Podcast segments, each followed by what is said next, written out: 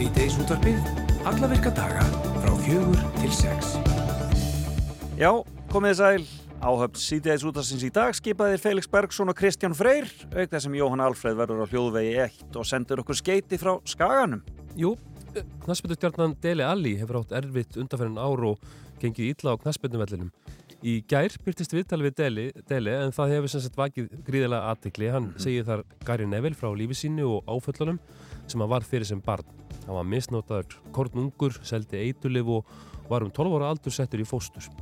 Í kjölfarið förum við að velta fyrir okkur andlegum öruleikum knastmyndufólks og hvernig íþróttarheiming nútímas tekur á þessum vandamálum.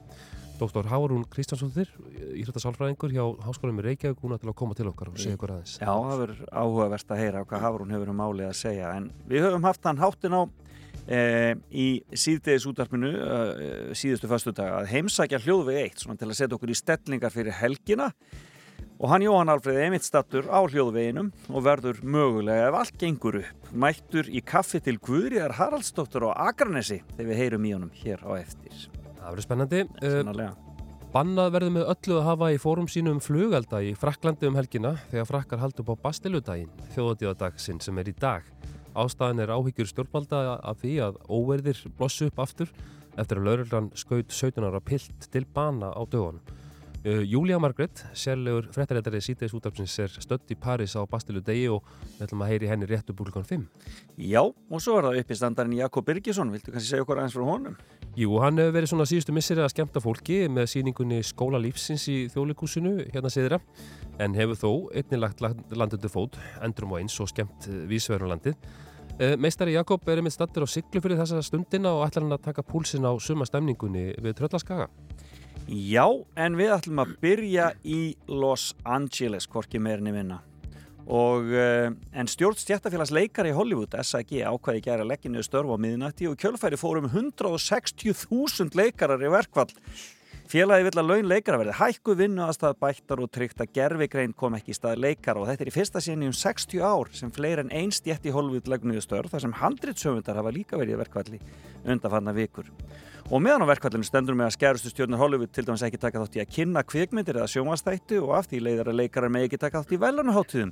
Og í fréttum í dag var sagt frá því hvernig leikarar í Oppenheimer sem án að vera einn stærsta mynd sumasins gengu út af eigin frumsýningu þegar að þegar verkvallið hófst. Já, hérna. En um hvað snýst þessi deila og ég vona við síðan komum með hann í síman hér. Dröfn Ösp Snorradóttir, Rósas í Hollywood, ertu þannig á línunni? Ég er hér, Svo sannarlega gaman að heyri í þér. Frábært, sömu leiðis. frábært samband. Já, fín, ég er príðilegsta samband allar leginn til Los Angeles. Er, er það? Já, er það að grínast? Eða heyrið vel í mér? Við heyrum Ok, mjög vel í þér.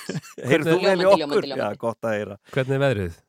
Svona klassísk Já, það er, að byrja með. þrjá, það er 30 stig, það Ah. er eiginlega of heitt fyrir okkur sko, þannig að við náttúrulega, þið vitið heima, er aldrei nógu gott og hérna er of gott sko, þannig að Já, maður hangir inni og horfir á sjónvarpið og fer í bíó, ég fer mjög mikið í bíó á, á svona hitta dögum, þá fer ég í bíó í hádeginu, það er mikið tekið hérna í, í Los Angeles, það er því að það er ískallt og maður svona Loftkæling sleppur við hitan sko, þó að ég sé nú komið sundlu heima hjá mér, smá, aðeins smá að motta sig. Já. og hérna, og mjög, mjög gott loftkælikerfi en, en hérna, enga síður sko, maður getur alltaf, maður þorir alltaf út fyrir en eftir klán þrjú á daginn sko, því annars er bara heitt, maður verður bara svo grillaður humar hérna á- fyrir, fyrir þann tíma sko, en, en ef ekki að dömba okkur í mál málana. Nákvæmlega, þetta, er, þetta, er, þetta var mjög góð, þetta var mjög góð Já. byrjun. Já, ég sé eftir Já. þessu spurningu reyndar. Já, sa- sannarlega. Já, Heyrðu, já. sko, um hvað snýst þessi deila sem að, þarna, eh, sem að hefur Já. leitt að sé þetta verkfall? Og kannski Sko- aðalega sem að maður svona velti fyrir sér er þetta, er þetta með gerfigreindina. Hvernig á hún kemur hún þessu öllu saman?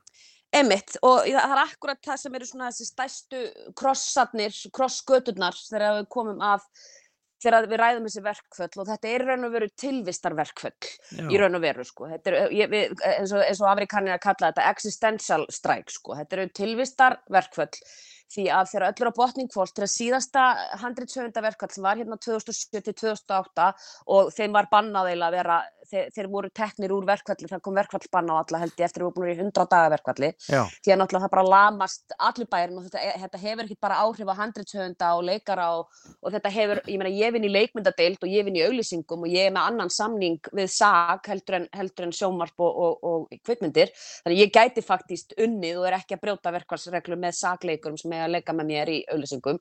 Enga síður þá finn ég alveg fyrir því að ég meina það er ekki, ég er yfirleitt mjög upptekinn manneskja og það er hægt, það er kyrr kjör sko í er og ég svoleiðis, mér, sýnist meiri sér auðlýsingar fólk vera að halda sér höndunum að sjá hvað er að fara að gerast sko því að þó að við getum leikið auðlýsingum og allt það, þá náttúrulega er mjög mikið auðlýsingum eins og við vitum með frægufólki, það náttúrulega má ekki koma fram, þannig að þetta er, það er verið að finna út úr því, en ef við bara ræðum ekki auðlýsingar og ræðum málmálana sem eru þessi, þessi handreits og leikara verkvall sem eru núna. AI náttúrulega hótar öllu og ég meina þetta er ekkit ein, ein, þetta er ekkit ein, sko bara bu- bundið við kvikmyndageiran, þetta er líka ljósmyndara geiran, ég meina maður er að heyra sögur af því að, jafnvel heima á Íslandi er bara, þú veist, ljósmyndara gigg eru bara að fara út um gluggan því að, því að það er bara hægt að skrá inn bara mynd af hérna, veist, leikfangi í barnaherbergi og það er kvöld og þú veist, þá ertu bara komið með það og Já. þetta er náttúrulega bara, þú veist, hræðilegt að vissu leiti. Það var líka umræða Það sem ég svo, Já, fyrir ekki það líka já. um hljóðbækunar og upptakaðu Já, hljóðbækum með leikurum heldur betur, sama- heldur samanber. betur. Og sko það sem að mér finnst einna skrýtnast við þetta, því AI hótar öllu og, og sko það sem best sem ég veit er það náttúrulega ekki að skrásetja höfundaréttindi á bakvið AI, þetta er náttúrulega, er náttúrulega bara algoritmi sem að tekur uppsafnað efni af netinu og basically ef að maður bara tala mannamál, stelur því, þetta er, er þannig og það er náttúrulega er ekki hægt að skrásetja höfundarétt, þannig að mér finnst það að að að- að að ræða þetta, ég meina, mér finnst Disney ekki vera fyrirtæki sem að verðist vera eitthvað með laus tök á IP-inu sem að er, sem sagt, eða hérna, intellectual property sem að er til dæmis Star Wars, ég meina, þetta er náttúrulega rí- gríðarlega, st- sko, dýr fasteign sem að Disney á þannig að það að þeir myndi einhvern tímann fá chat GPT til að skrifa heila kvikmynd sem er síðan ekki hægt að skrásetja til höfundaréttar, ég bara skil ekki uppni niður í því Já, og það, sem var hræðilegt sem það- ég var að heyra í gær Það sem snýst um það, að þetta, þetta Já. höfundaverkvall snýst um það að handritsöfundar eru með áhyggjur af því að gerfigreindin fara að skrifa handrit fyrir þá. Já, já, og, og, og, og, já, og, í rauninni, rauninni það sem að maður sé, sér á, á sko, því því miður að Hollywood núna í augnablikinu, þetta er svolítið fyndið því að maður sér þetta ekki nema maður sér bara hérna á gólfinu hérna í Los Angeles, þetta er svolítið erfitt að vera skinugur um þetta að maður er lengra frá. Og það er augljóst að, að hérna, það er verið að reyna að breyta bransanum svolítið í svo kallað gig-hagkerfi, þið veitir svona svo Uber-bílstjórar og Lyft-bílstjórar, það er svona bara hringir í mannesku og hann bara Já. keiriði þarna og svo er því bara lokið.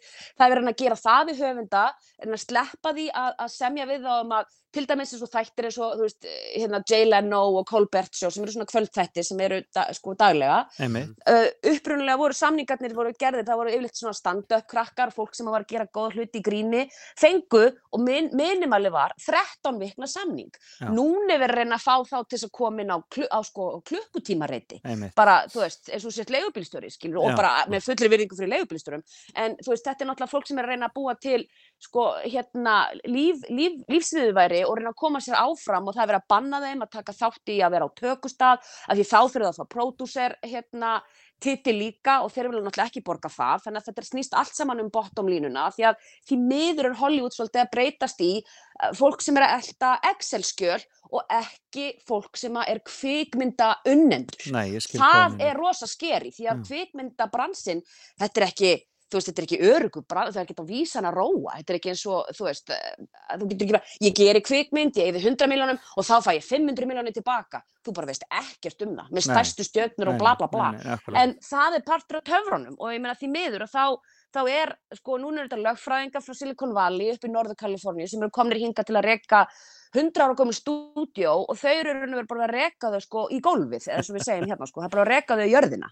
Þannig að þetta snýst í rauninni við- semst um svona grundallar atriðin í, sem sagt, fa- í hvernig Hol- Hollywood heldur áfram að, að í rauninni að fólk haldi vinnunni sinni og það sé ekki verið Já. að taka sem sagt, svona grundallar réttindi af þeim og minna, þetta, Já. en, en verður þetta ekki svakalega hart þá á þetta ekki eftir að fara í Þetta mikla verður mjög hörku? hart. Mhm. Þetta þetta verður mjög hart og ég meina ef, að- ef að fréttirna sem hafa verið að koma, leka út hérna frá samnings, uh, samnings, svona, það, það er svona uh, reglífa samtök sem að eru að semja fyrir hönd stúdíóna sko, sem er alltaf stórfyrirlegt því að innan þeirra eru Netflix og Apple og síðan eftir með Warner Brothers og Paramount og NBC og það eru svona það sem eru kallið legacy kvikmynd að vera meðan að hitt eru tækni, tæknirissar og ég meina áhersluna þarna á milli eru svo gigatist öðris, ég meina Apple er 13 trilljón dollara virði á meðan að Paramount er 19 biljón dollarar. Ég meina, þú veist, þetta er ekki sömu stærðir hérna á milli og, og og sko forstendur bransans eru náttúrulega allt aðrar frá síðasta verkfælli sem var 2007 og þá vildu, að því þá voru streymisveitunar réttur að bleita goggin í, í, sko, í peningatjörninni sem er það sem er þetta, þessi verðmæti sem að handritsöfundar auðvitað búa til, það verður náttúrulega ekki til ef að hugmyndin er ekki sett á blað. Og ég meina þá, þá, sko, þá er rætt um að, að, að þá er streymisveitna kallað svo kallað new media, ný fjölmiðlun og við skulum ræða það á næstu samningum sem að, þú veist, að því að þeir voru að semja um svo hart og fengu einhverja smá hluti ge, gefna og, fengu, og náðu einhverjum samningsforsendum en lístu áhyggjum um að streymisveitur væri öruglega að fara að breyta bransanum töluvert Og sem það er gert Já, núna síðustu, síðustu 17 ár, ég meina Þannig það er omvendt. Þannig að þetta er gríðarlega, hérna- um, gríðarlega við, viðamikið og umfangsmikið mál greinilega sem þarna er. Þetta er um að mjög umfangsmikið mál, ég meina þú ert að tala um fólk sem kannski vann í Seinfeld eða Cheers, ég meina bara einhverju þáttur sem var að vinna með þessi fyrir 15 árum síðan, svona How I Met Your Mother þættir eða eitthvað slíkt, Friends til dæmis, Einmitt. ég meina fólk sem að leki þeim, við erum ekki að tala um handritsrun, við erum að tala um fólk sem leki þeim, það kannski,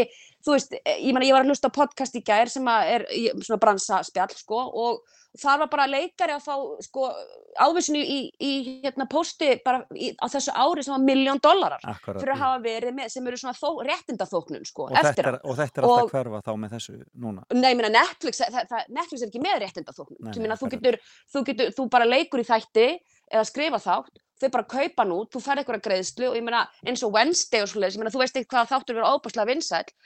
Ég meina, hún, leikonan og allir sem eru þar, þeir njóti ekkert góðs af því. Ég sama þó að þessi hort aftur og aftur og aftur á þættina á þessu mikið áhorf út af því svo náttúrulega áhorfstölur streymisveita eru líka svolítið á huldu og það veit enginn í raun og veru, og sem er skrítið sko, því að auðlýsingamarkaðurinn er allir að detta þar inn. Þetta er svo marg, þetta er, þetta er svo Þetta er mjög slungið sko. Þetta er, verður flókið, það verður, áhugavert að fylgjast með þessu. Kæra þakki fyrir að, að, ég aðeins að, minnst það, ég að, get að, náttúrulega að talað vera á ykkur um línu. þetta Ég, ég í heyri, 70 heyri það að þetta er ótrúleg, ótrúleg mál. Við bara byggjum kærlega að heilsa til Los Angeles og Já. óskum ykkur allsins besta Já, takk. í þessari bara- miklu baráttu. Gott að heyri þetta. Kæra ykkur. bless, bless. Bye. Og þess má geta auðvitað þegar hún er að tala um AI þá er hún að tala um gerfugrindina það er það að, og sko annað sem að maður hefur heyrt að það sé til dæmis að sem að kvikmyndaverin sé fann að gera sé að taka mynd af ákveðni mannesku sem bakgrunnsleikara Já, og svo bara markvalda viðkomandi og nota í mörgum bíómyndum en þú Einmitt. hefur fæ bara greiðslu fyrir að hafa komið inn einu sinni inn í það það skil. minnir mig pínu á þegar tónlistafólk var að búa til svipaða stemningu eins og einhvað. Já. Fyrirtæki var að byggja um, herri, þetta fá svona svipalag eins og þessi en ég vil ekki borga þeim. En þetta félag sag það vil eh, sko að launleikara verði hækkuð og, og vinnuaðstæður vinnuaðstæður bættar auk og svo, að þessi gerfugrind sem að já, og svo þessi og, og að, að, að menn fá eitthvað fyrir þess að Já. streymisveitu. Mál, það er, alveg svakalegt mál.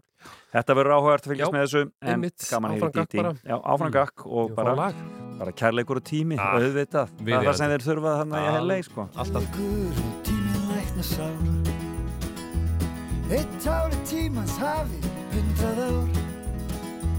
Við erum vinir þú og ég Og við öskum þennan veg. Þú og ég, þú og ég, þú og ég.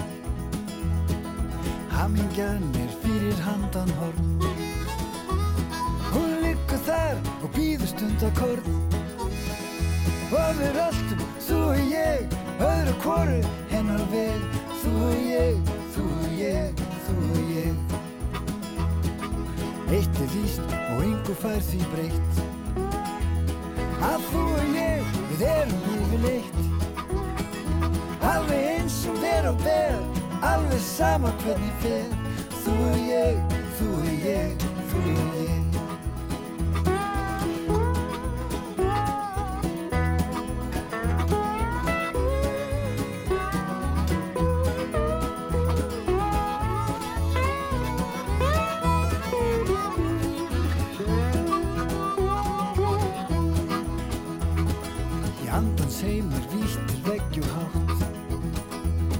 Og sátt á dyrum lokið upp á gátt.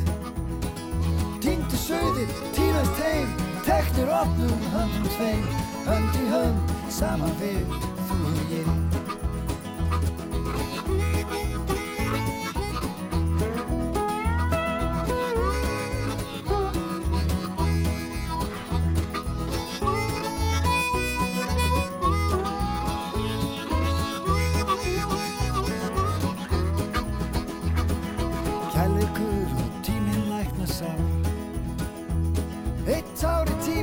bavi într-un rând Vin, vin,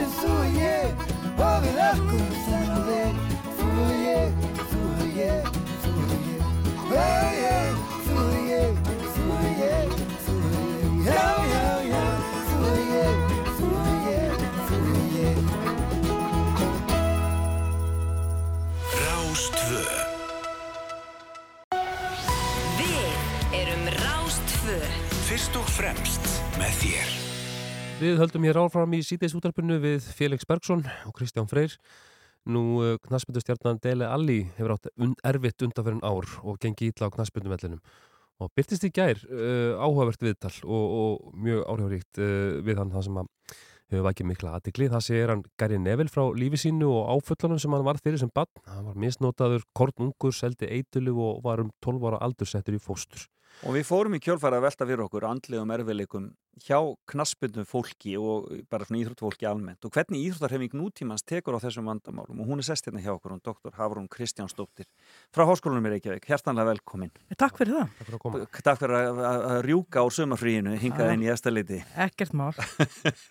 Þarna, já, varstu, sástu þetta viðtal við þarna Deli Ali ekki? Já, ég er búin að sjá svona allavega part úr því, þetta er alveg klukkutíma viðtal eða eitthvað og, og lesa fréttir og ég hafa nú ekki annað sagt en þetta sé nú hálf átakanlegt að heyra hans, af hans barnesku. Akkurat, sko uh, í gamla daga þá einhvern veginn voru menn bara það þurftu menn hrista þetta bara af sér einhvern Mhm. veginn eða þá bara, eða ekki Já, já. Eh, hvernig, hvernig er íþróttarhefing nútímans að taka á svona, þeirra svona vandamál eða svona vandamál sem komið Uh, það er svona misjamt svolítið. Uh, það er alveg klárt að hérna, innan íþróttarhefingarnar og ekkert síst í fótboltanum þá eru, já við skulum segja allavega hjá einhverjum ákveðnir, ákveðnir fordómar svona, þetta er þú ætti að vera harður nagli og þú ætti ekkert að láta neitt á þig fá og þarft að vera svolítið svona andlega harður sem þú þart svo sem alveg til þess að standast alla þessa pressu.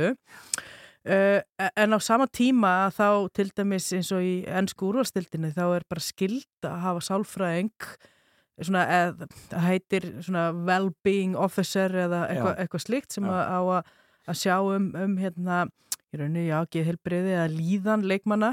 Það eru annars allir klúpar með sálfræðing í fullri vinnu og oft fleiri en einn.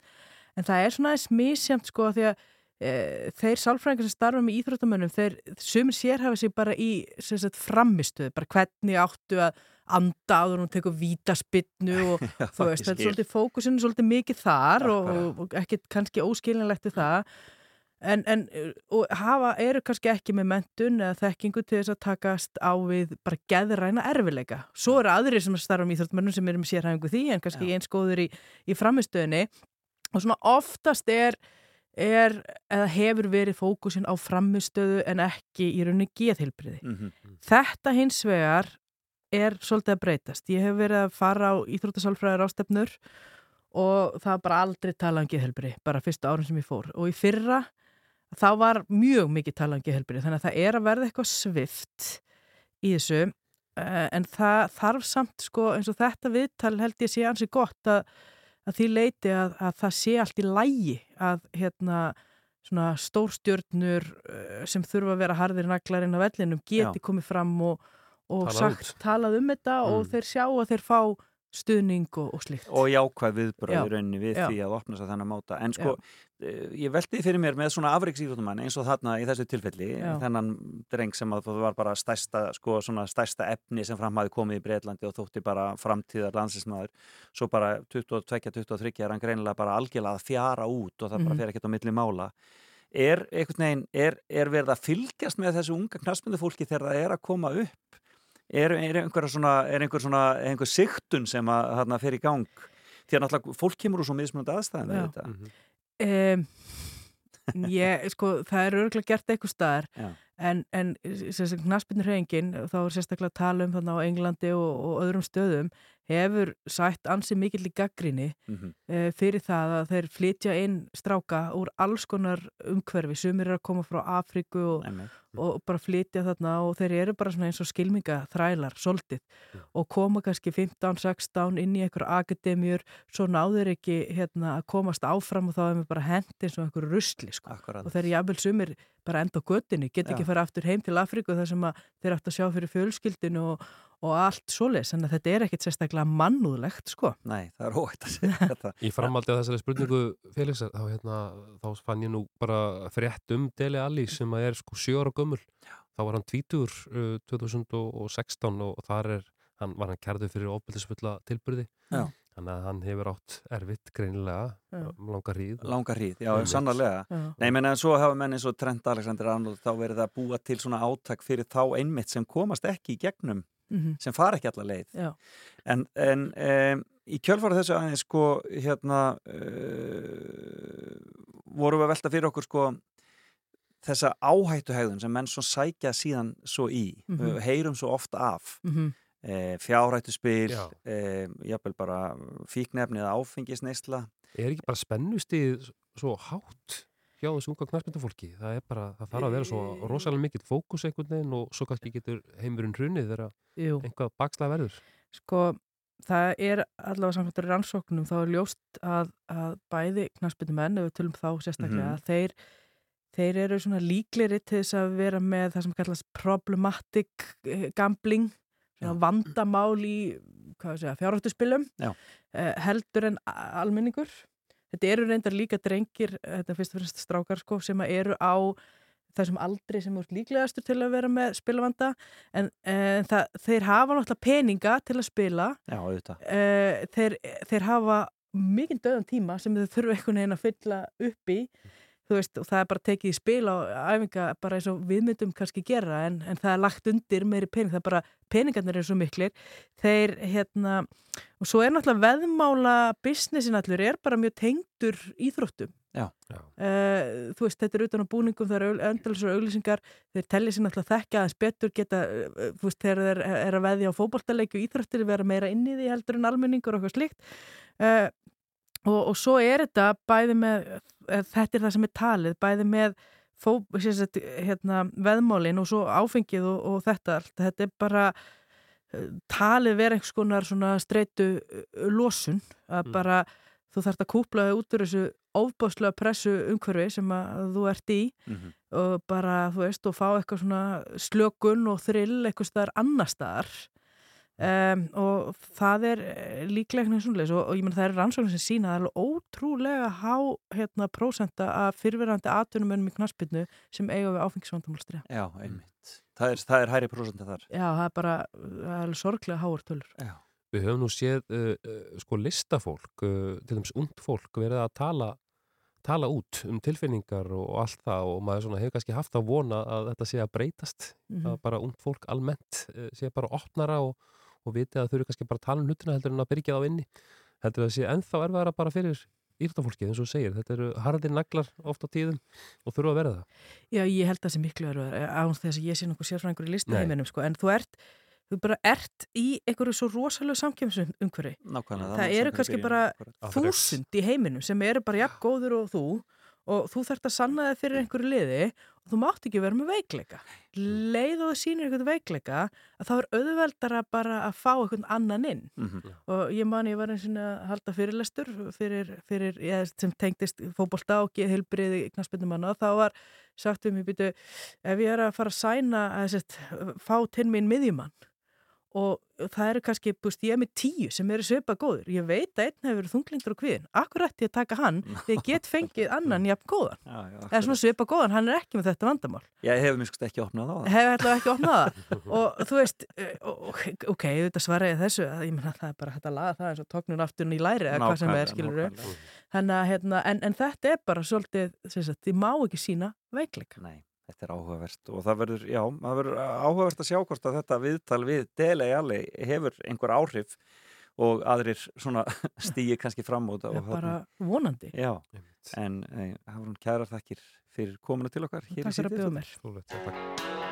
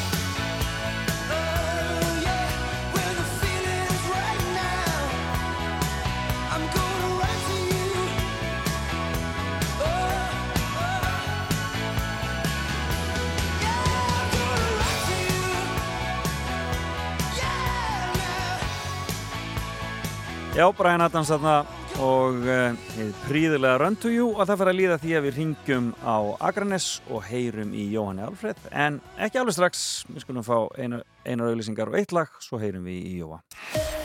Rástfö Við erum Rástvö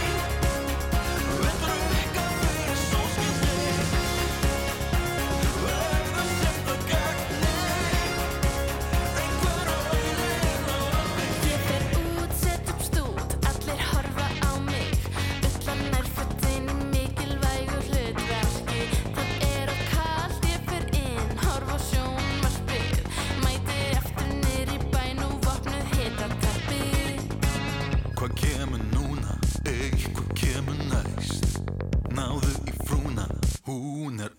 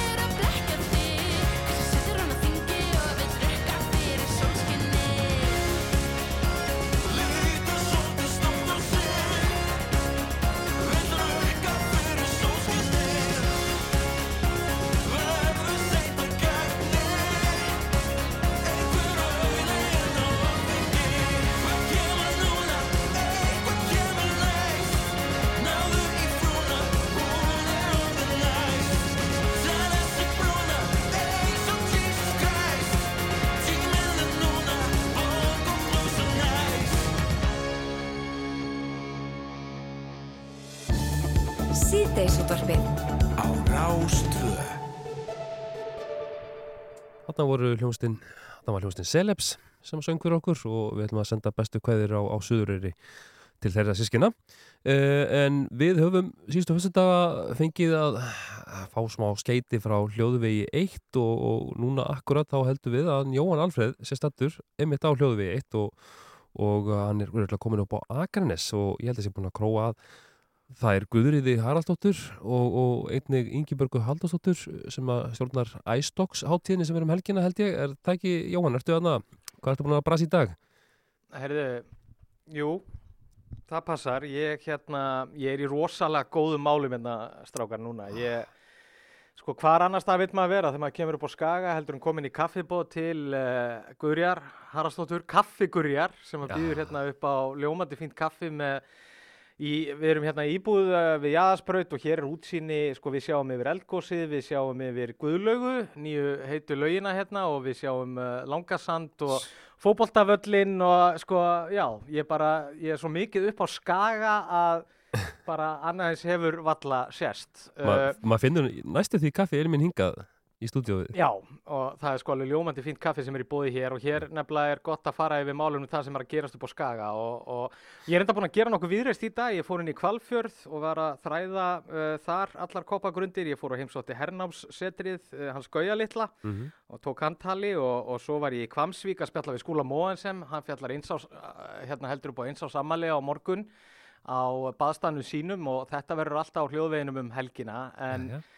En uh, gaman að sjá okkur stelpur, uh, kannski byrjum á þér, Ingibjörg. Uh, þú ert stjórnandi heimildamynda hátíðarinnar iStocks sem að hefur verið hérna upp á Akranesi, hvað er þetta, fymta árið sem að þið verðið með hátíðina? Já, það passar. Við erum hérna í fymta skipti og erum með sagt, svona úrval af alþjóðlegum heimildamindum.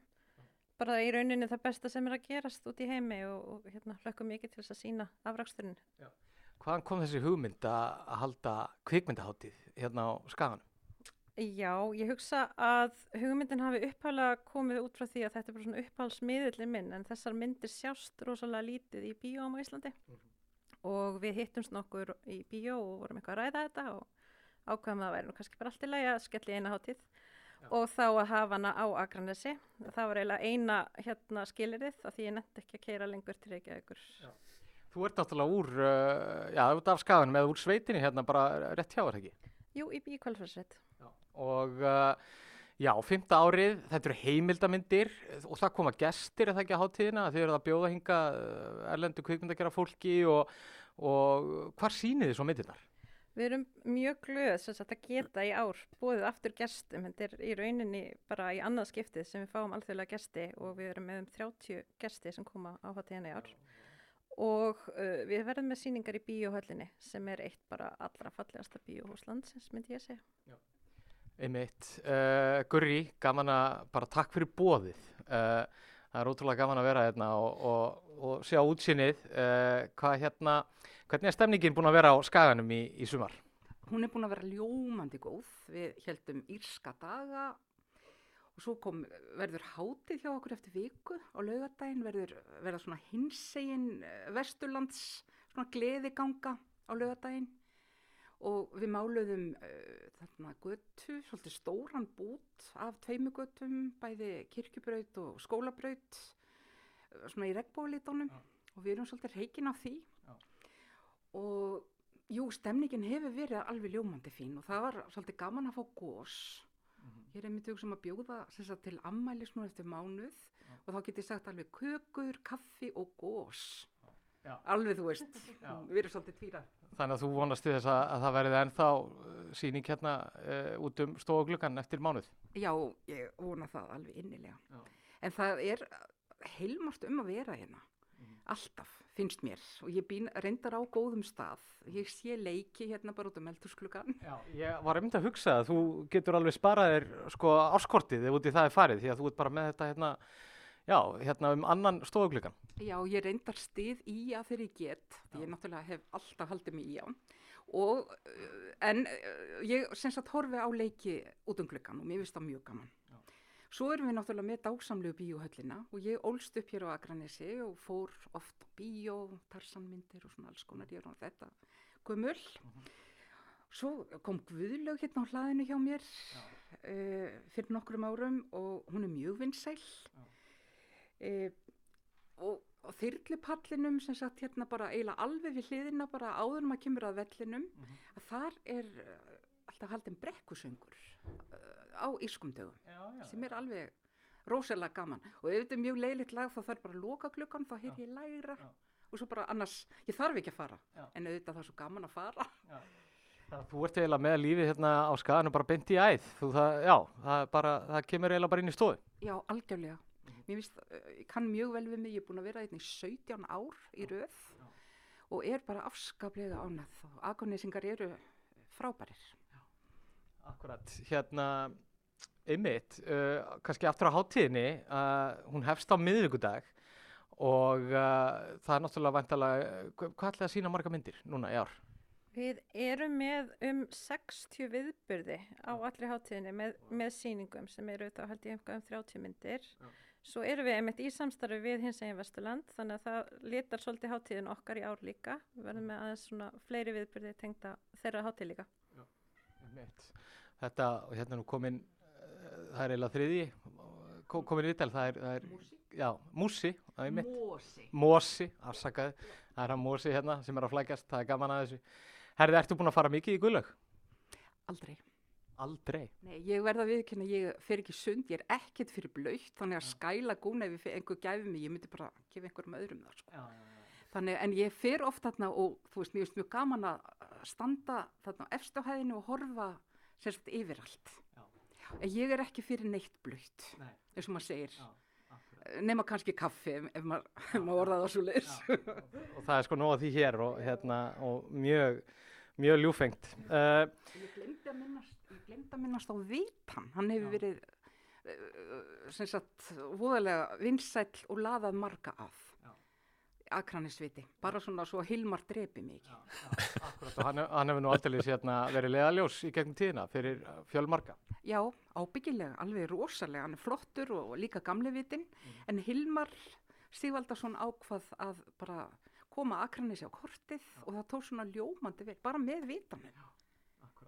Já, þetta er aðeinslegt. Uh, sko, heimildamindir Ingibjörg, þetta er hérna, það, þær eru í svo mikill sókn því að það er einhvern veginn endur spekla heiminn og, og gefa okkur einhverja nýja sín og eitthvað svona.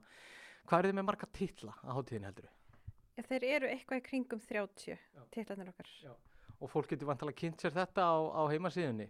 Já, algjörlega og það er líka kannski verðt að taka fram þetta er kannski ekki beint svona það sem sérð í, á, á rúf vanalega heldur er þetta meira svona heimildamindir sem að eru byggðar upp eins og bíómyndir Já. þannig að það er mikil spenna það er hérna drama og, alls konar skemmtilega líka Það er, þetta hljómar mjög skemmtilega, uh, þannig að ég kannski spyrir þig svona árunum við förum að senda boltan aftur í efstaleiti, uh, Gurri, uh, kvikmyndahátti framöndan um næstu helgi, ef að maður ætlaði að koma til dæmis úr bænum, úr Reykjavík og eiga góðan dag hérna, kannski helgadag um næstu helgi, fara í bíóhöllina og sjá eina mynd, með hverju myndur mæla síðan að- gera, Hve- hvernig myndur eða deginum? skreppi guðlugu að sjálfsögðu af því ég skil alveg fólk sem gera þótt ég hafi ekki því Já. Og uh, fara út að borða hjá Galito það er ótrúlega gott verð á öllu þar þrátt fyrir þetta sé svona alveg fimmstjórnum staður afskaplega góðu matur. Og það er hægt að fara í góðar gönguferðir. Þeir sem stunda golf geta, kannski, ég veit samt ekki, ég hef aldrei farið í golf þannig að hvort þarf að panta tíma eða hvað, það er hægt að príla upp á Agrafjall, það er bara margt hægt að gera. Bara nýra á langa sand og- og sjósund. Það er líka hægt að hoppa í sjóin hérna Já. og hérna hestalega og það er alltaf á Akranesi það er bara hérna byrja sig eftir því. Þegar ég var lítill, sko, þá fannst mér langisandi svolítið svona hillandi staður, af því að þetta virkaði svona eins og alveg baðströnd. Já, og það er það ennþá. Ég var að mynda að tala um það við Gurri bara rétt aðan, hvað er kósi að sitja sko innan um túrista, en það er líka bara fólkið að tala um daginn og veginn eins og í pottinum í lauginni, Já. sem er mjög kósi. Akkurat, þetta hljómar ekkert smá vel. Uh, ég ætla aðeins að flækast hérna um bæinn með henni Gurri uh, á eftir og kannski geta hlustundu fengið að heyra afraksturinn á hljóðvið eitt um helgina en við ætlum að segja þetta gott hérna af jæðasbrautinu á Akranesi í byli bara aftur til ykkar, strákar. Kærar þakkir Takk. og kær kveðja á skagan og óskaðu Guri líka til hamingju með nýju bókina þannig þá breyttist allt, hún er alveg frábær. já, Felix byrður að hilsa og, og óskaði til hamingi með nýju bókina. Uh, Hún er, hún, er, þetta er svona, þetta er svona indis sumarlestur, mæli með henni. Frábært. komið til skila. Kærar þakkir fyrir þetta. Já, Þetta er líka að minnast á ég, Felix, að, að ég held að ég hef mismælt mig hérna fyrir sko Nú. um, um heimildamönda hátíðina sem ég hérna sagði uh, að hún myndi byrja um helgina en það er ekki rétt, hún byrjar 19. eða miðvikudagi næsta og, og stendur fram yfir þá næstu helgi allir á skagan. aðra helgi, já. Allir á skagan. Þetta er Rástvö Fyrst og fremst með þér.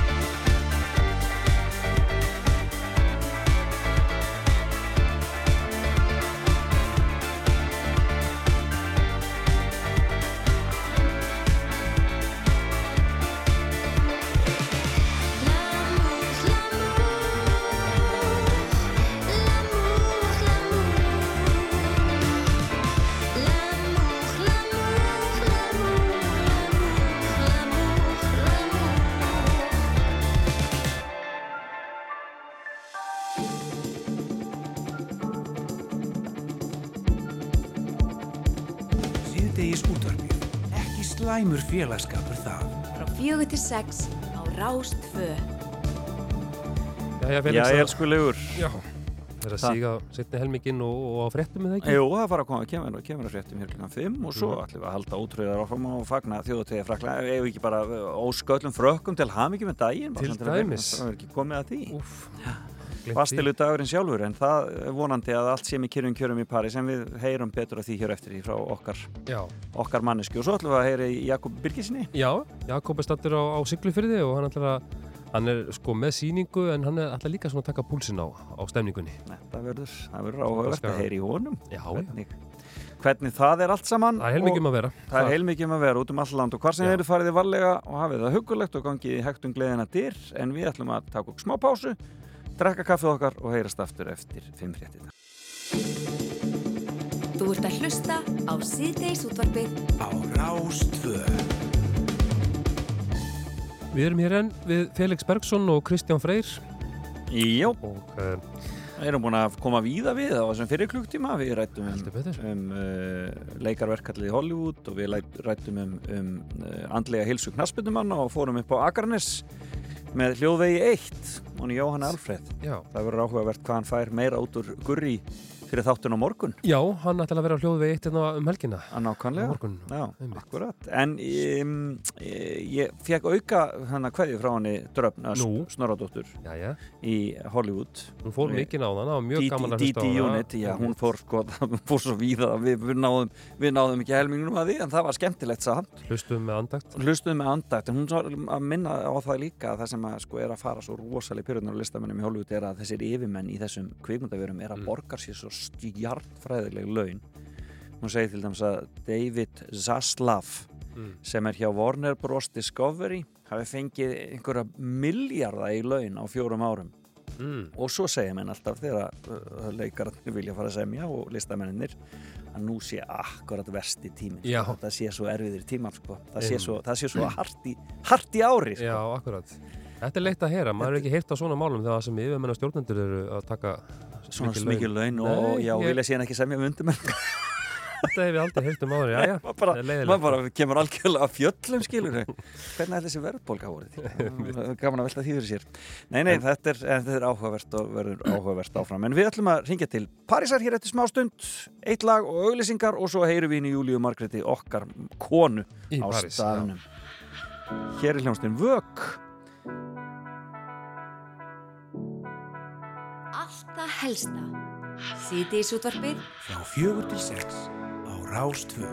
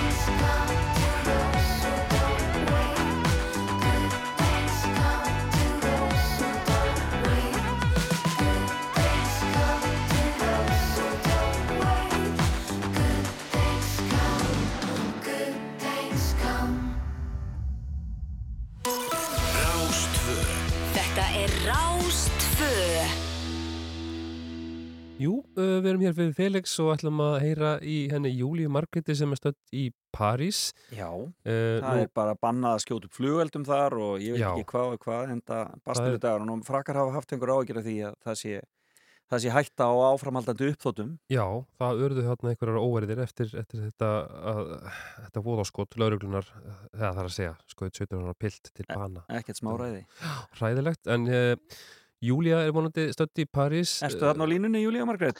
Herðu, hér er ég og akkurat í, í París, eða Paris, eins og núna, ég mun alltaf segja núna eftir að vera einnig þrjá daga, Eftir- maður er alltaf orðin alveg lokal, sko. Já, eftir að byrja að drekka rauðvinni og reykja hérna Gúlúa sigaretuna Já, ég er svona að vinna með þetta, sko, þú veist, og ég ætla, já, hérna, mér líður eins og ég sé alveg að taka inn svona andan hérna og hérna, skil núna alveg þetta, þess, og þetta er alveg alla klísutnar sem að maður heyrir með Já. konurnar í röndáttu bólanum og bagetti í körfunni og þetta er bara allstæðar hérna, mér finnst það að vera svo æðislegt, bara klísutnar eru sannar, ég komist að því hér og, og hérna, þykir þetta bara æðislegt. Þó að það sé í útvarpi auðvitað, við erum alltaf, ég erum í sítis útvarpinu hérna á Rástöð, en, en þá samt bara svo að við setjum okkur í stellingar. Þú ert með alpahúfið það ekki, núna?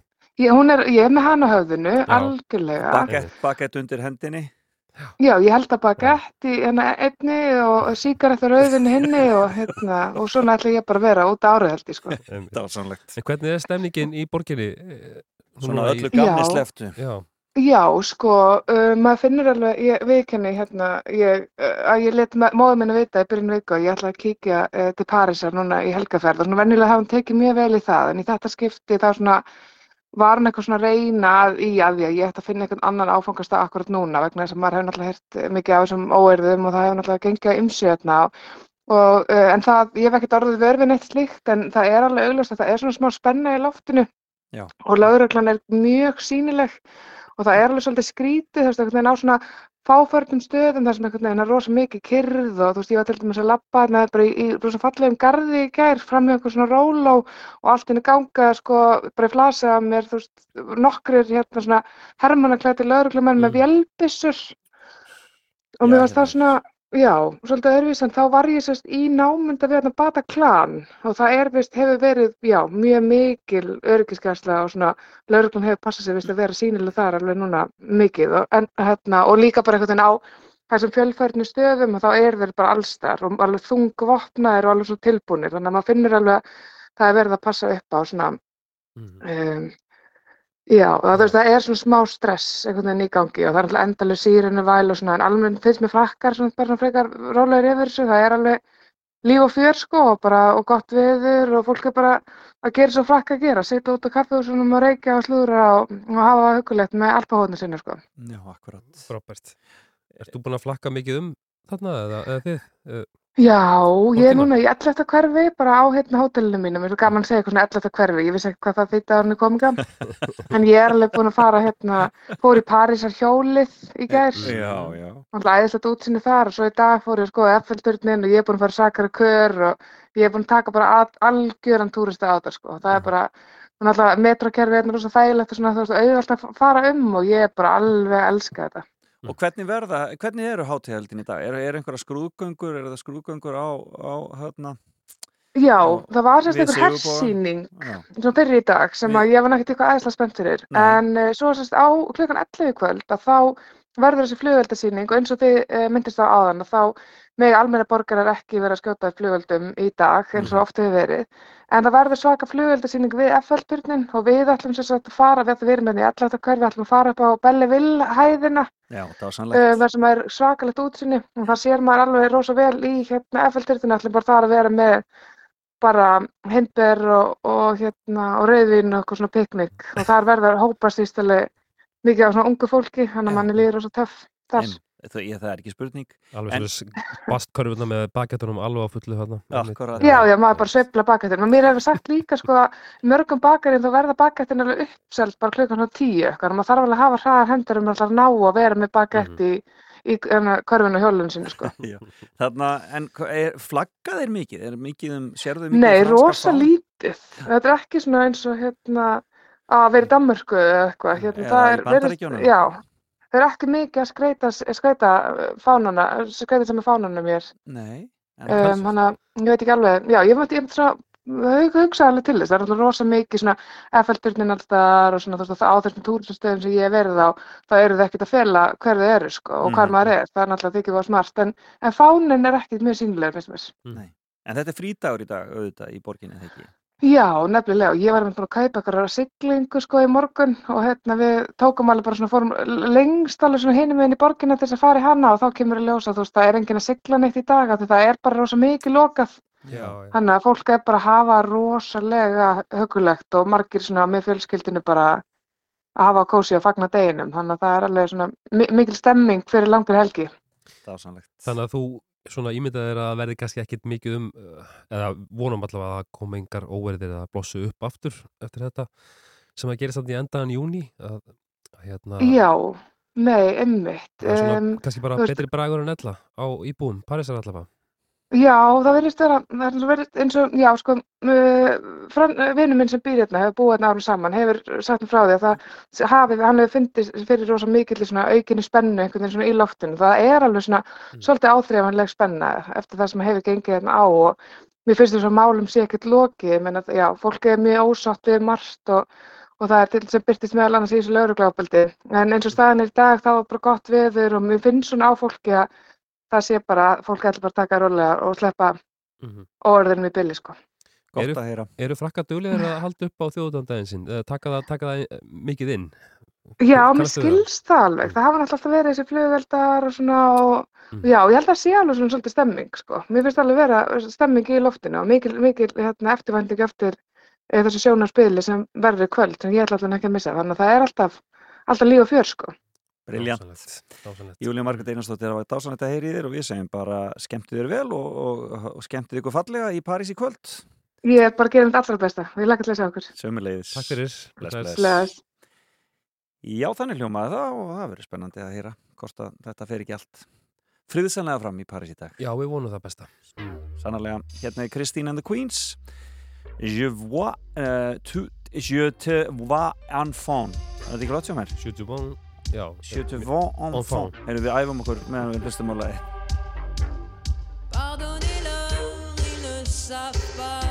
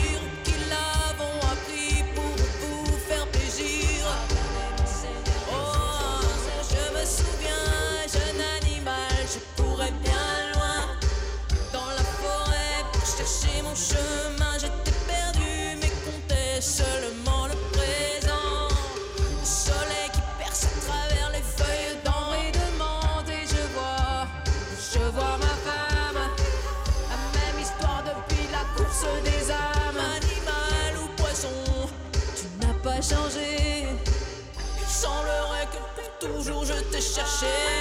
Oh,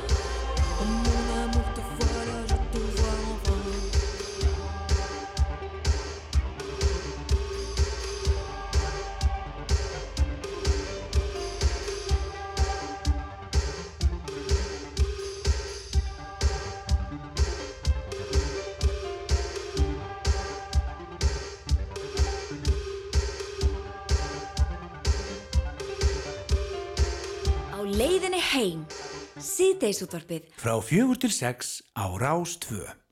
Já, þannig hljómaði það, þú varst alveg með framburinn á á hreinu, Kristján. Je te vois enfant. Ó, þetta er dásamlegt! Veðurhorfur næsta sólaringin. Og þá er það veðrið. Jó.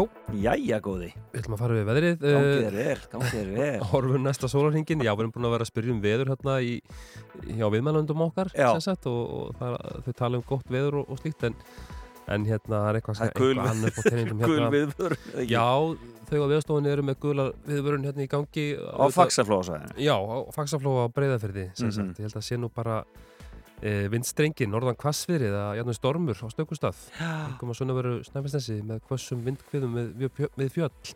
25-30 metrar á sekundu þetta, er, þetta getur verið varasamt fyrir aukutæki sem að taka á sig mikið vind þannig að við Nákvæmlega. byrjum ykkur að fara valega sem er Sannarlega. í umferðinni Mhm. en þetta eru norð, norðan og norðvestan 5-13 metrar á sekundu en sumstað kvassara í vindstringum við fjöll eins og segir vestalands í dag og í nótt víða dálitir rigning um norðanvert landið en stöku skúrir siðra hiti 11-18 stig hlýjast siðst en 5-10 stig norðan og austalands Já. Svo er þetta viðvörun vegna eldgósis við, eldgósis við Lillarút og auðvitað. við náttúrulega minnum á það að það er ekki eh, engar ferðir þangað upp yfir núna og, og það staðan verið tekin á morgun skilst okkur og, en ég sé hérna á að rúf.is uh, já það er, það er nú þannig því miður uh, það sem að fólk tekur ekki mark á, á hérna á tilkynningum yfirvalda en, en það er verið að skoða skilst mér á rúf.is sé ég hér að, að stýttir göngulegðir að gósinu séu til skoðunar og hérna Já.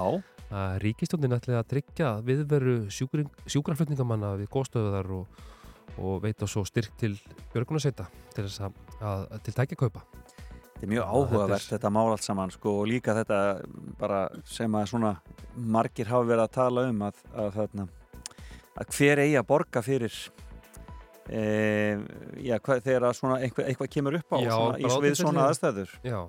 Mér frétti til þess að það hefði ansið margir af góðstöðunum fluttir á bráðavaktina núna um helgina. Já, og og þyrlan farið og- minnskust í tvísvar sko. Já, hérna hér þannig að það er það er til, tilvændi kostnaður. Það er nú, já, aldeilis kostnaði þar sko, Já. og, þarna, og, og kannski einmitt uh, líka uh, spurning hvort að kerfið okkar þólir mikið af þessu. Já, ég, og við, við Felix hvetjum fólk til þess að fara e- eftir fyrirmælum og hérna. Fyrst og næst fara varlega. Já, og við erum Og- öll almannavarnir nákvæm, við erum öll alveg og gera sér kannski líka sko- grein fyrir því að þetta er ekkert sko, þetta er ekkert sko, hérna, þetta er ekki sunnudags labbitúr sko, þetta þetta er þetta er bara heilmikil ganga og erfið ganga Akkurat þannig að Og- það er ekkert, að- ekkert sniðut að rjúka af stað í það að þau eru svona að vita svolítið út í hvað maður er að fara sko. Sko í óvanlag þá er þetta mikil gasmengun Mhm. á, á svæðinu og, og reikmengun vegna gróðurelda þannig að þetta er ekkert grín Það komir svolítið óvart, ég myndi gekk út upp að fyrri, fyrra gósinu, mm. ja, man ekki hvort það var nú, eitt, nummer eitt eða nummer Já. tvö, að hvað gangan í rauninni var strempin, hún var, það var ansi erfið ganga. Já, já. Miklu erfið en maður svona Bratt bjóst við, já. já, oft og tíðin svona yfir, er erfið Þetta en er- vega að fara. auðvitað mikið sjónarspil en, en, en það verða örgulega getnar upp, upplýsingar á morgun Nákvæmlega, er fylgjumst að. vel með því meiri músík og svo fyrir við að ringi hann Jakob Birgisson. Já. Þetta er stórstjarnar Dúa Lípa, Súslón og Aldeilis í gegn. Og hefur gert. Já. Frábær.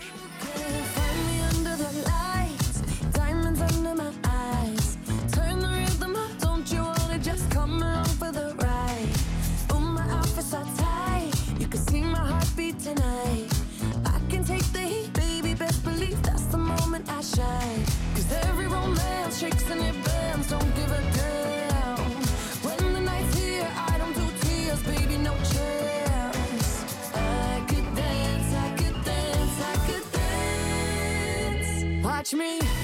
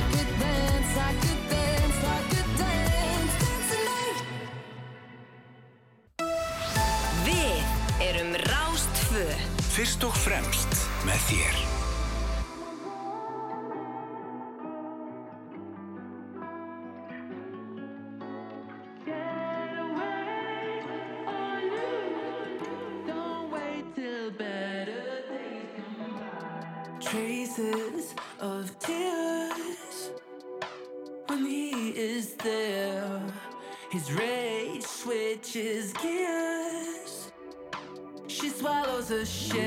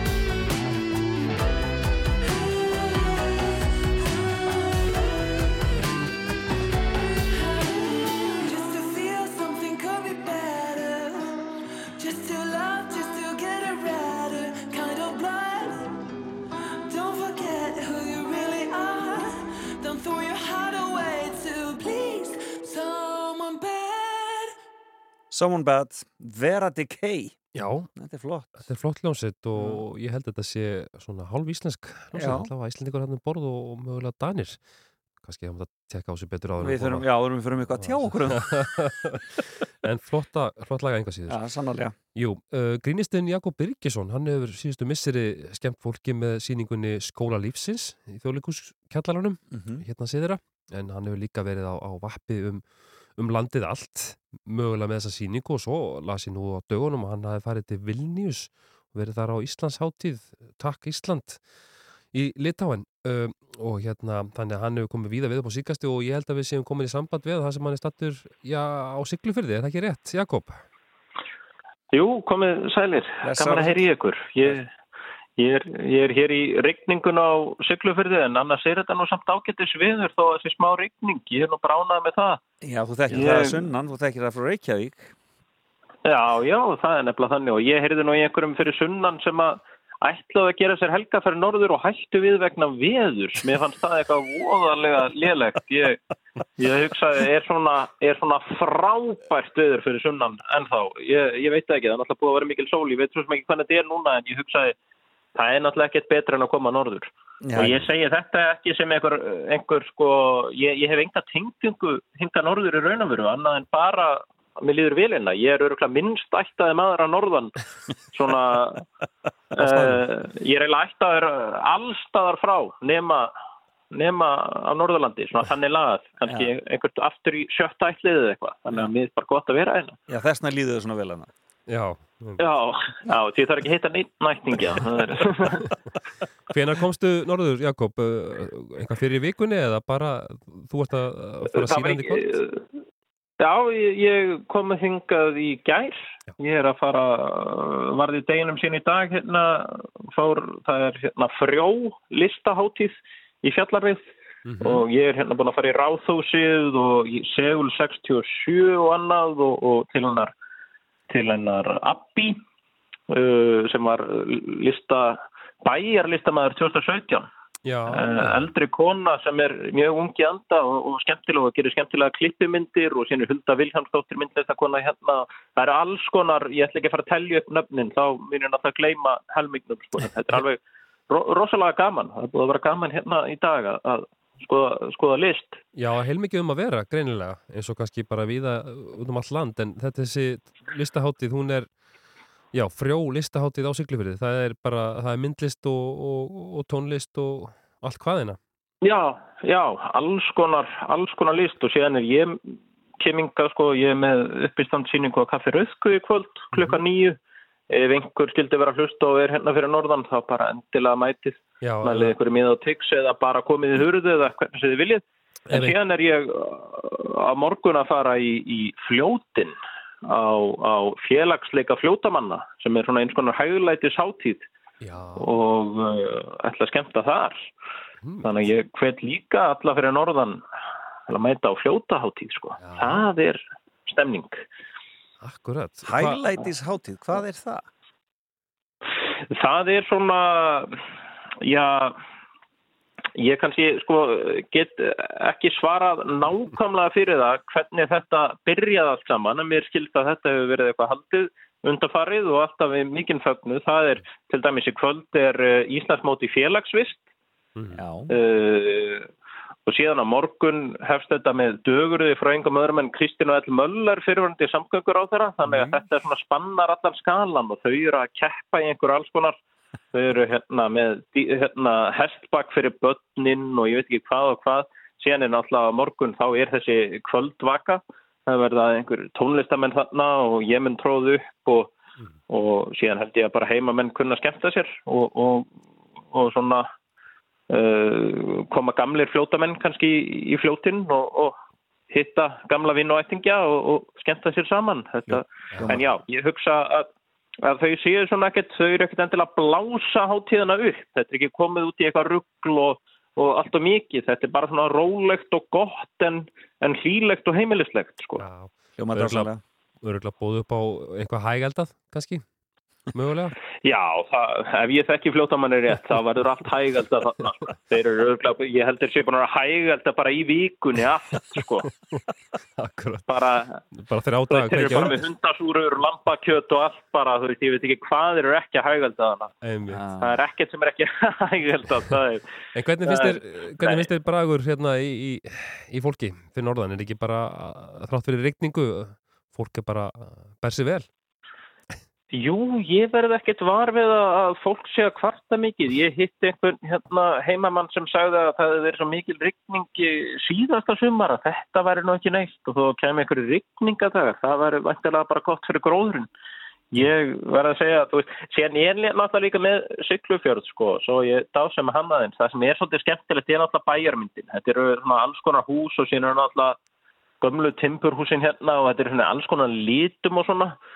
Þannig að ég veit ekki, ég horfi henni við ráðhústorkið og mér finnst þetta eitthvað svo bara vinalegt og gott sko, þannig að einhver smá rigning er bara góð. Já, ég er náttúrulega búin að vera í sólunni fyrir sunnan í svolítinn tíma og, og gott að komast bara í gamla góða íslenska veðrið sko. En það er ekkit ískallt hérna eða einhver sakalögu vindur sko, það er bara Nei. fínt að labba þenn út eða maður er í, í regstak sko. En segðu mig Jakob, uh, hvernig er með uh, sýninguna sem að þú hefur verið með hérna ertu að klæða hann eitthvað sérstaklega að, að siglfyrringum og, og fólkinu á tröllaskaga? Já, maður svona auðvitað uh, reynir það alltaf svona aðeins þegar maður, þegar maður kemur svona aðeins út fyrir bæðamörkin, það er svona að reyna að snýða þetta aðeins að en, þetta var sko, ég var náttúrulega með skóla lífsins í þjóðlíkuskjallarunum í vetur og, og var þarna með eitthvað hátt í 30 sýningar eða eitthvað svoleiðis og, og hefur lokið sýningum hann í bænum en ég hef svona reynda núna að fara aðeins út fyrir bæðamörkin og, og ákvaða að taka eina sýningu hérna siglu fyrir það og svona og og gera eitthvað skemmtilegt úr þessu bara. Fyrst maður er með efni að, að ég var hérna fyrir tveimur árum að skemmta á kaffiröðku og það var alveg ríkala gaman. Mhm. Þannig að ég er svona reyna að halda einhverju tengingu við staðin mér. Þetta er svona uh, fín afsökun til að fara sko. Já, ég held að það sé bara mjög, mjög hérna, fínt að heimsækja eins og bæina og þorpinu út á landi uh, um íslenska sumr, í íslenska sumrinu. Það er bara svo mikið um að vera allstaðar, alltaf í hverju einasta þorpi og þessar bæjarháttíðir og ég- þannig að það er bara gaman að heyra þessu. Hmm. Ég held að þessi smærri þorp út á landi séu framtíð Íslands. Þannig að Já. ég er ríkulega spenntur. Akkurat. Mm. Að... Það er bara þannig, ég er í alvörunni, ég er ekki, ég er ekki að grínast með þessu jákvæðinni, ég er mjög jákvæður þessa dagina, það er bara, ég er í algjöru stuði og þetta verður hrikalega gaman, mér er svo, mér er svo gott, ég líti bara að fara út á land í sumar. Mhm. uh, og svona, maður, það má segja að maður hefur tekið sér einhver konar pásu eftir hennan farandur og maður er búin að vera heima og ég stend í patningnum og einhverju svona og, og þannig að við höfum verið svona frekar róleg en, en það var svona eitt sem við gátum ekki ekki sleppt og það var að koma hinga norður. Það var fljótaháttíðin og, og sýningin á kaffi Rauðku sem er klukkan nýju í kvöld svo ég bara komið því aftur fyrir afsakið hérna Já. þetta plögg. En hérna En það er ekki bara, en það er ekki bara ég að, að tróða upp og það er ekki bara ég sem er eitthvað að gera Norðurlandið frábært. Það er náttúrulega væri örgulega frábært án mín og jafnvel enn betra en, en það er náttúrulega mitt eins og þessi listasýning og svona. Þannig ég, ég hvet allavega í grendinni bara til að, til að allavega kíkja við á listasýninguna. Ég veit að hún er hérna yfir helgina líka á laugardag og sunnudag og, og hægt að nálgast það bara. Ég, ég kíkti bara á fjallabið.is og, og fann upplýsingar um hana. Jú, jú. Frábært. Þannig að það var Það er allt um, um, um listaháttiðina frjó þar einmitt, mátti sjá og þetta er bara Já. glæsileg menningahelgi á Siglufjörðum þessa, þessa helgi. Mhm. Það var gaman að heyri þig Jakob við ætlum að sleppa þér hérna og til þess að getur notið rytningarinnar betur. Og farað undirbúa kvöldið. Einmitt. Já, Ekki veitir að að hita sig upp og svona. Já, við ætlum að heyra, Já, já. ætlum að heyra í einu, einu listakonu sem að ætla að vera á þessari listahátti líka. Hún heitir Ólaf Arnalds en, en Jakob við sendum bara bestu kveður, norður. Kæra þakki fyrir spjallið. Allt ræð. Takk, takk. Bless. Bless, bless. Og hér er Óluf. Eitt gamalt og gott sem heitir Inn undir skinni.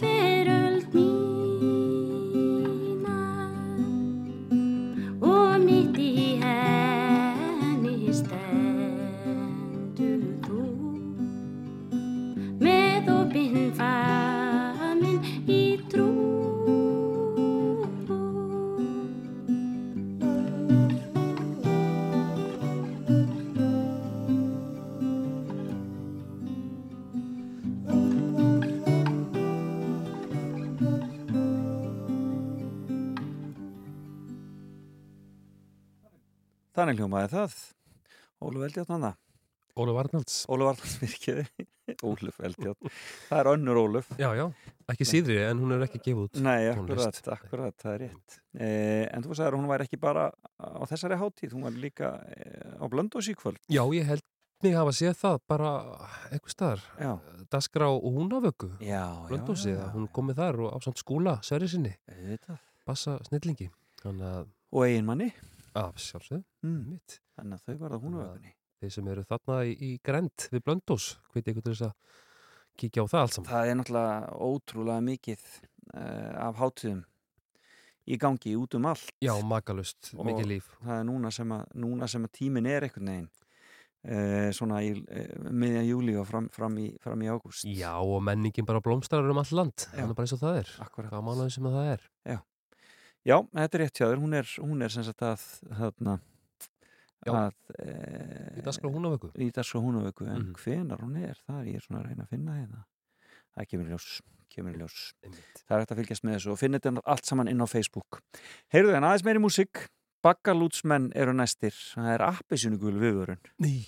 Það er gul viðvörun á fagsflóa en appisinu gul viðvörun eitthvað störnast þar.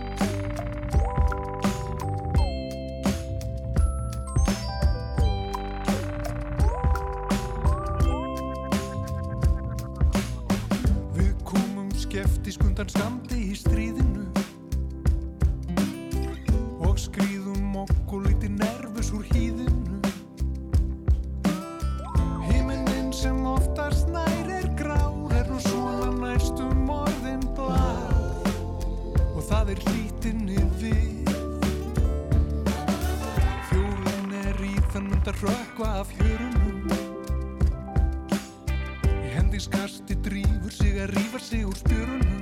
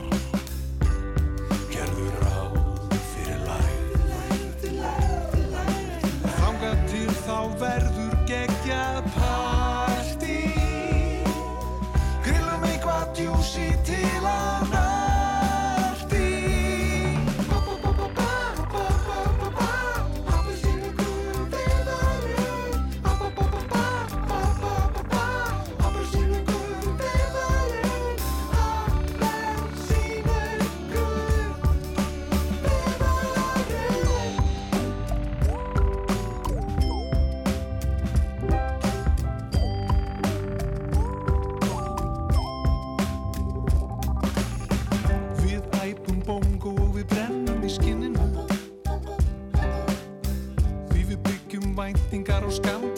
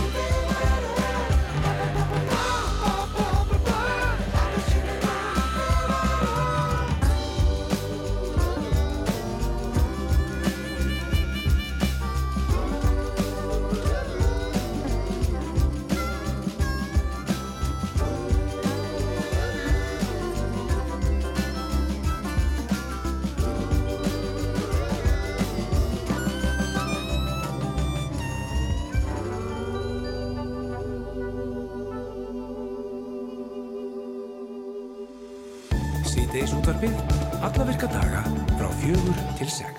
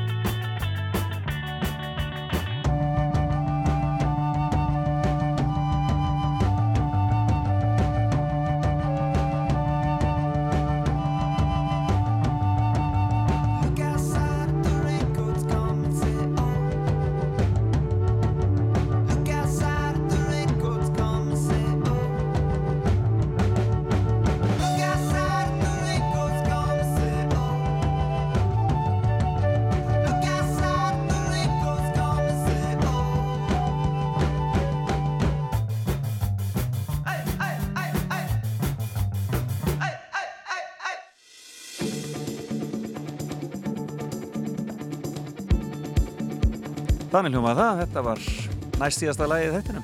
Já, okkur fannst vanta smá föstudastemningu, Já, Felix, og var- kyrðum í Vampire Weekend. Þetta var vel tilfundið, skemmtilegt. Ef ég hefði nú valið þetta sjálfur, sko, ég held að Sigur Gunn, Þorri Gunnarsson hafi bara valið þetta fyrir okkur, sko. Já, stjórinn. Já, stjórinn Já, já. sjálfur. En það er bara dásanlegt að sitja með ykkur hér í dag í síðdeisúttarpinu. Kristján Fyrir og Felix búin að vera með ykkur og við erum búin að fá uh, hér fjöldanallan gestum eða er búin að heyra í fólki hér og þar. Við heyrðum í henni doktor Hafrúnu Kristjánsdóttur frá Háskólanum í Reykjavík sem talaði um svona andlega uh, erfiðleika afreiks íþjóttafólks. Mhm. Þetta var svona í kjölfarið á viðtalinu við Deli Alli sem að vakti mikla aðtigli á samfélagsmiðlum í gær. Svo heyrðum við Jóhanni Alfred sem er á hljóðvegi 1. Hann var á Akranesi og átti þar gott spjall við þær Guðriði Harastóttur og Ingibörgu Haldurstóttur. Já, Mm. það var, var greinilega mikið í gangi þar. Við heyrðum í, í Júliu Margréti, sérlega fréttarittar síðdeisúðusins sem er, er stödd í París með bakettu og, og, og, og, allt saman. Og og með alpahú og allt saman en, en sko það, við áttum eftir að fara í gegnum það að Parísarhjóli er ekkert tengt París sko. Einmitt. það er bara, það er bara miskilningur sko. Þetta en það er fínt að fara í Parísarhjóli í. París en það, en það er bara á Íslandi sem Parísarhjóli heitir Parísarhjóli því annars það heitir það Faris Wheel Já, en sem fransk- er allt annað sko. franska kartöflur og Parísar kartöflur. Það eru ekkert ennþá á markanum. Æja, Ég veit það ekki. En við erum líka, líka frá Kaliforníu þegar ekki, eða hvað, sem að hún dröpp, ösp, og saði ykkur allt um verkvall uh, stjættafélags leikara. Já, kallu DT, DT Unit Já, sometimes Einmitt, akkurat. eða stundum, hún sletti svo mikið maður fer að sletta bara ósjálfrátt ef maður segir nafnið sko. Það var gaman að heyri henni og Mjög sömulegis honum Jakobi Birgisinni sem við heyrðum hérna síðast eh, rétt á, áðan þar sem hann er stattur á, á Siglufyrði Einmitt. og, og, og var þar bara góðu bragur með fólks. Sannarlega er að fara að tróða þar upp í kvöld og við hvetjum fólk til að fara og njóta. En þetta er búið hjá okkur í dag, en við endum þetta sjálfsögðu e, á þjóðatíðati einum og e, heyrum í fyrirvændi fórsetafrú Fraklands, Körlu Brúni. Já, takk Til fyrir ham- okkur og takk fyrir að hlusta. Góða helgi. Bless, bless.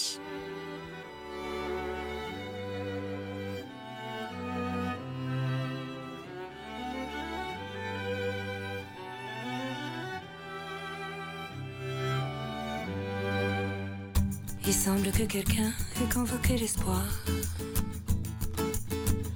Les rues sont des jardins, je danse sur les trottoirs. Il semble que mes bras soient devenus des ailes, qu'à chaque instant qui vole, je puisse toucher le ciel, qu'à chaque instant qui passe, je puisse manger le ciel. Les clochers sont penchés, les arbres déraisonnent. Ils croulent sous les fleurs au plus roux de l'automne. Nage ne fond plus, la pluie chante doucement. Et même les réverbères ont un impatient. Et même les cailloux se donnent l'air important. Car je suis l'amoureuse. Oui, je suis l'amoureuse. Et je tiens dans mes mains la seule de toutes les choses. Je suis l'amoureuse. Je suis ton amoureuse. Et je chante pour toi la seule de toutes les choses qui vaille d'être là, qui vaille d'être là. Le temps s'est arrêté, les heures s'envolagent. Les minutes frissonnent et l'ennui fait naufrage. Tout paraît inconnu, tout croque sous la dent. Et le bruit du chagrin s'éloigne lentement. Et le bruit du passé se tait tout simplement. Le ciel change de nuage. La vie change de manière et danse les mirages. On a vu m'attendir, le destin s'est montré. Il avait mine de rien l'air de tout emporter. Il avait ton allure, ta façon de parler. Car je suis l'amoureuse. Oui, je suis l'amoureuse. Et je tiens dans mes mains la seule de toutes les choses.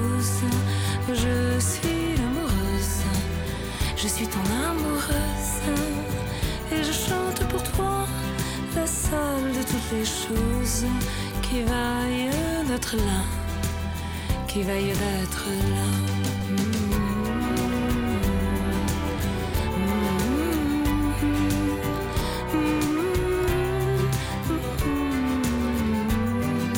Je suis l'amoureuse, je suis ton amoureuse, et je chante pour toi la seule de toutes les choses qui vaille d'être là, qui vaille d'être là.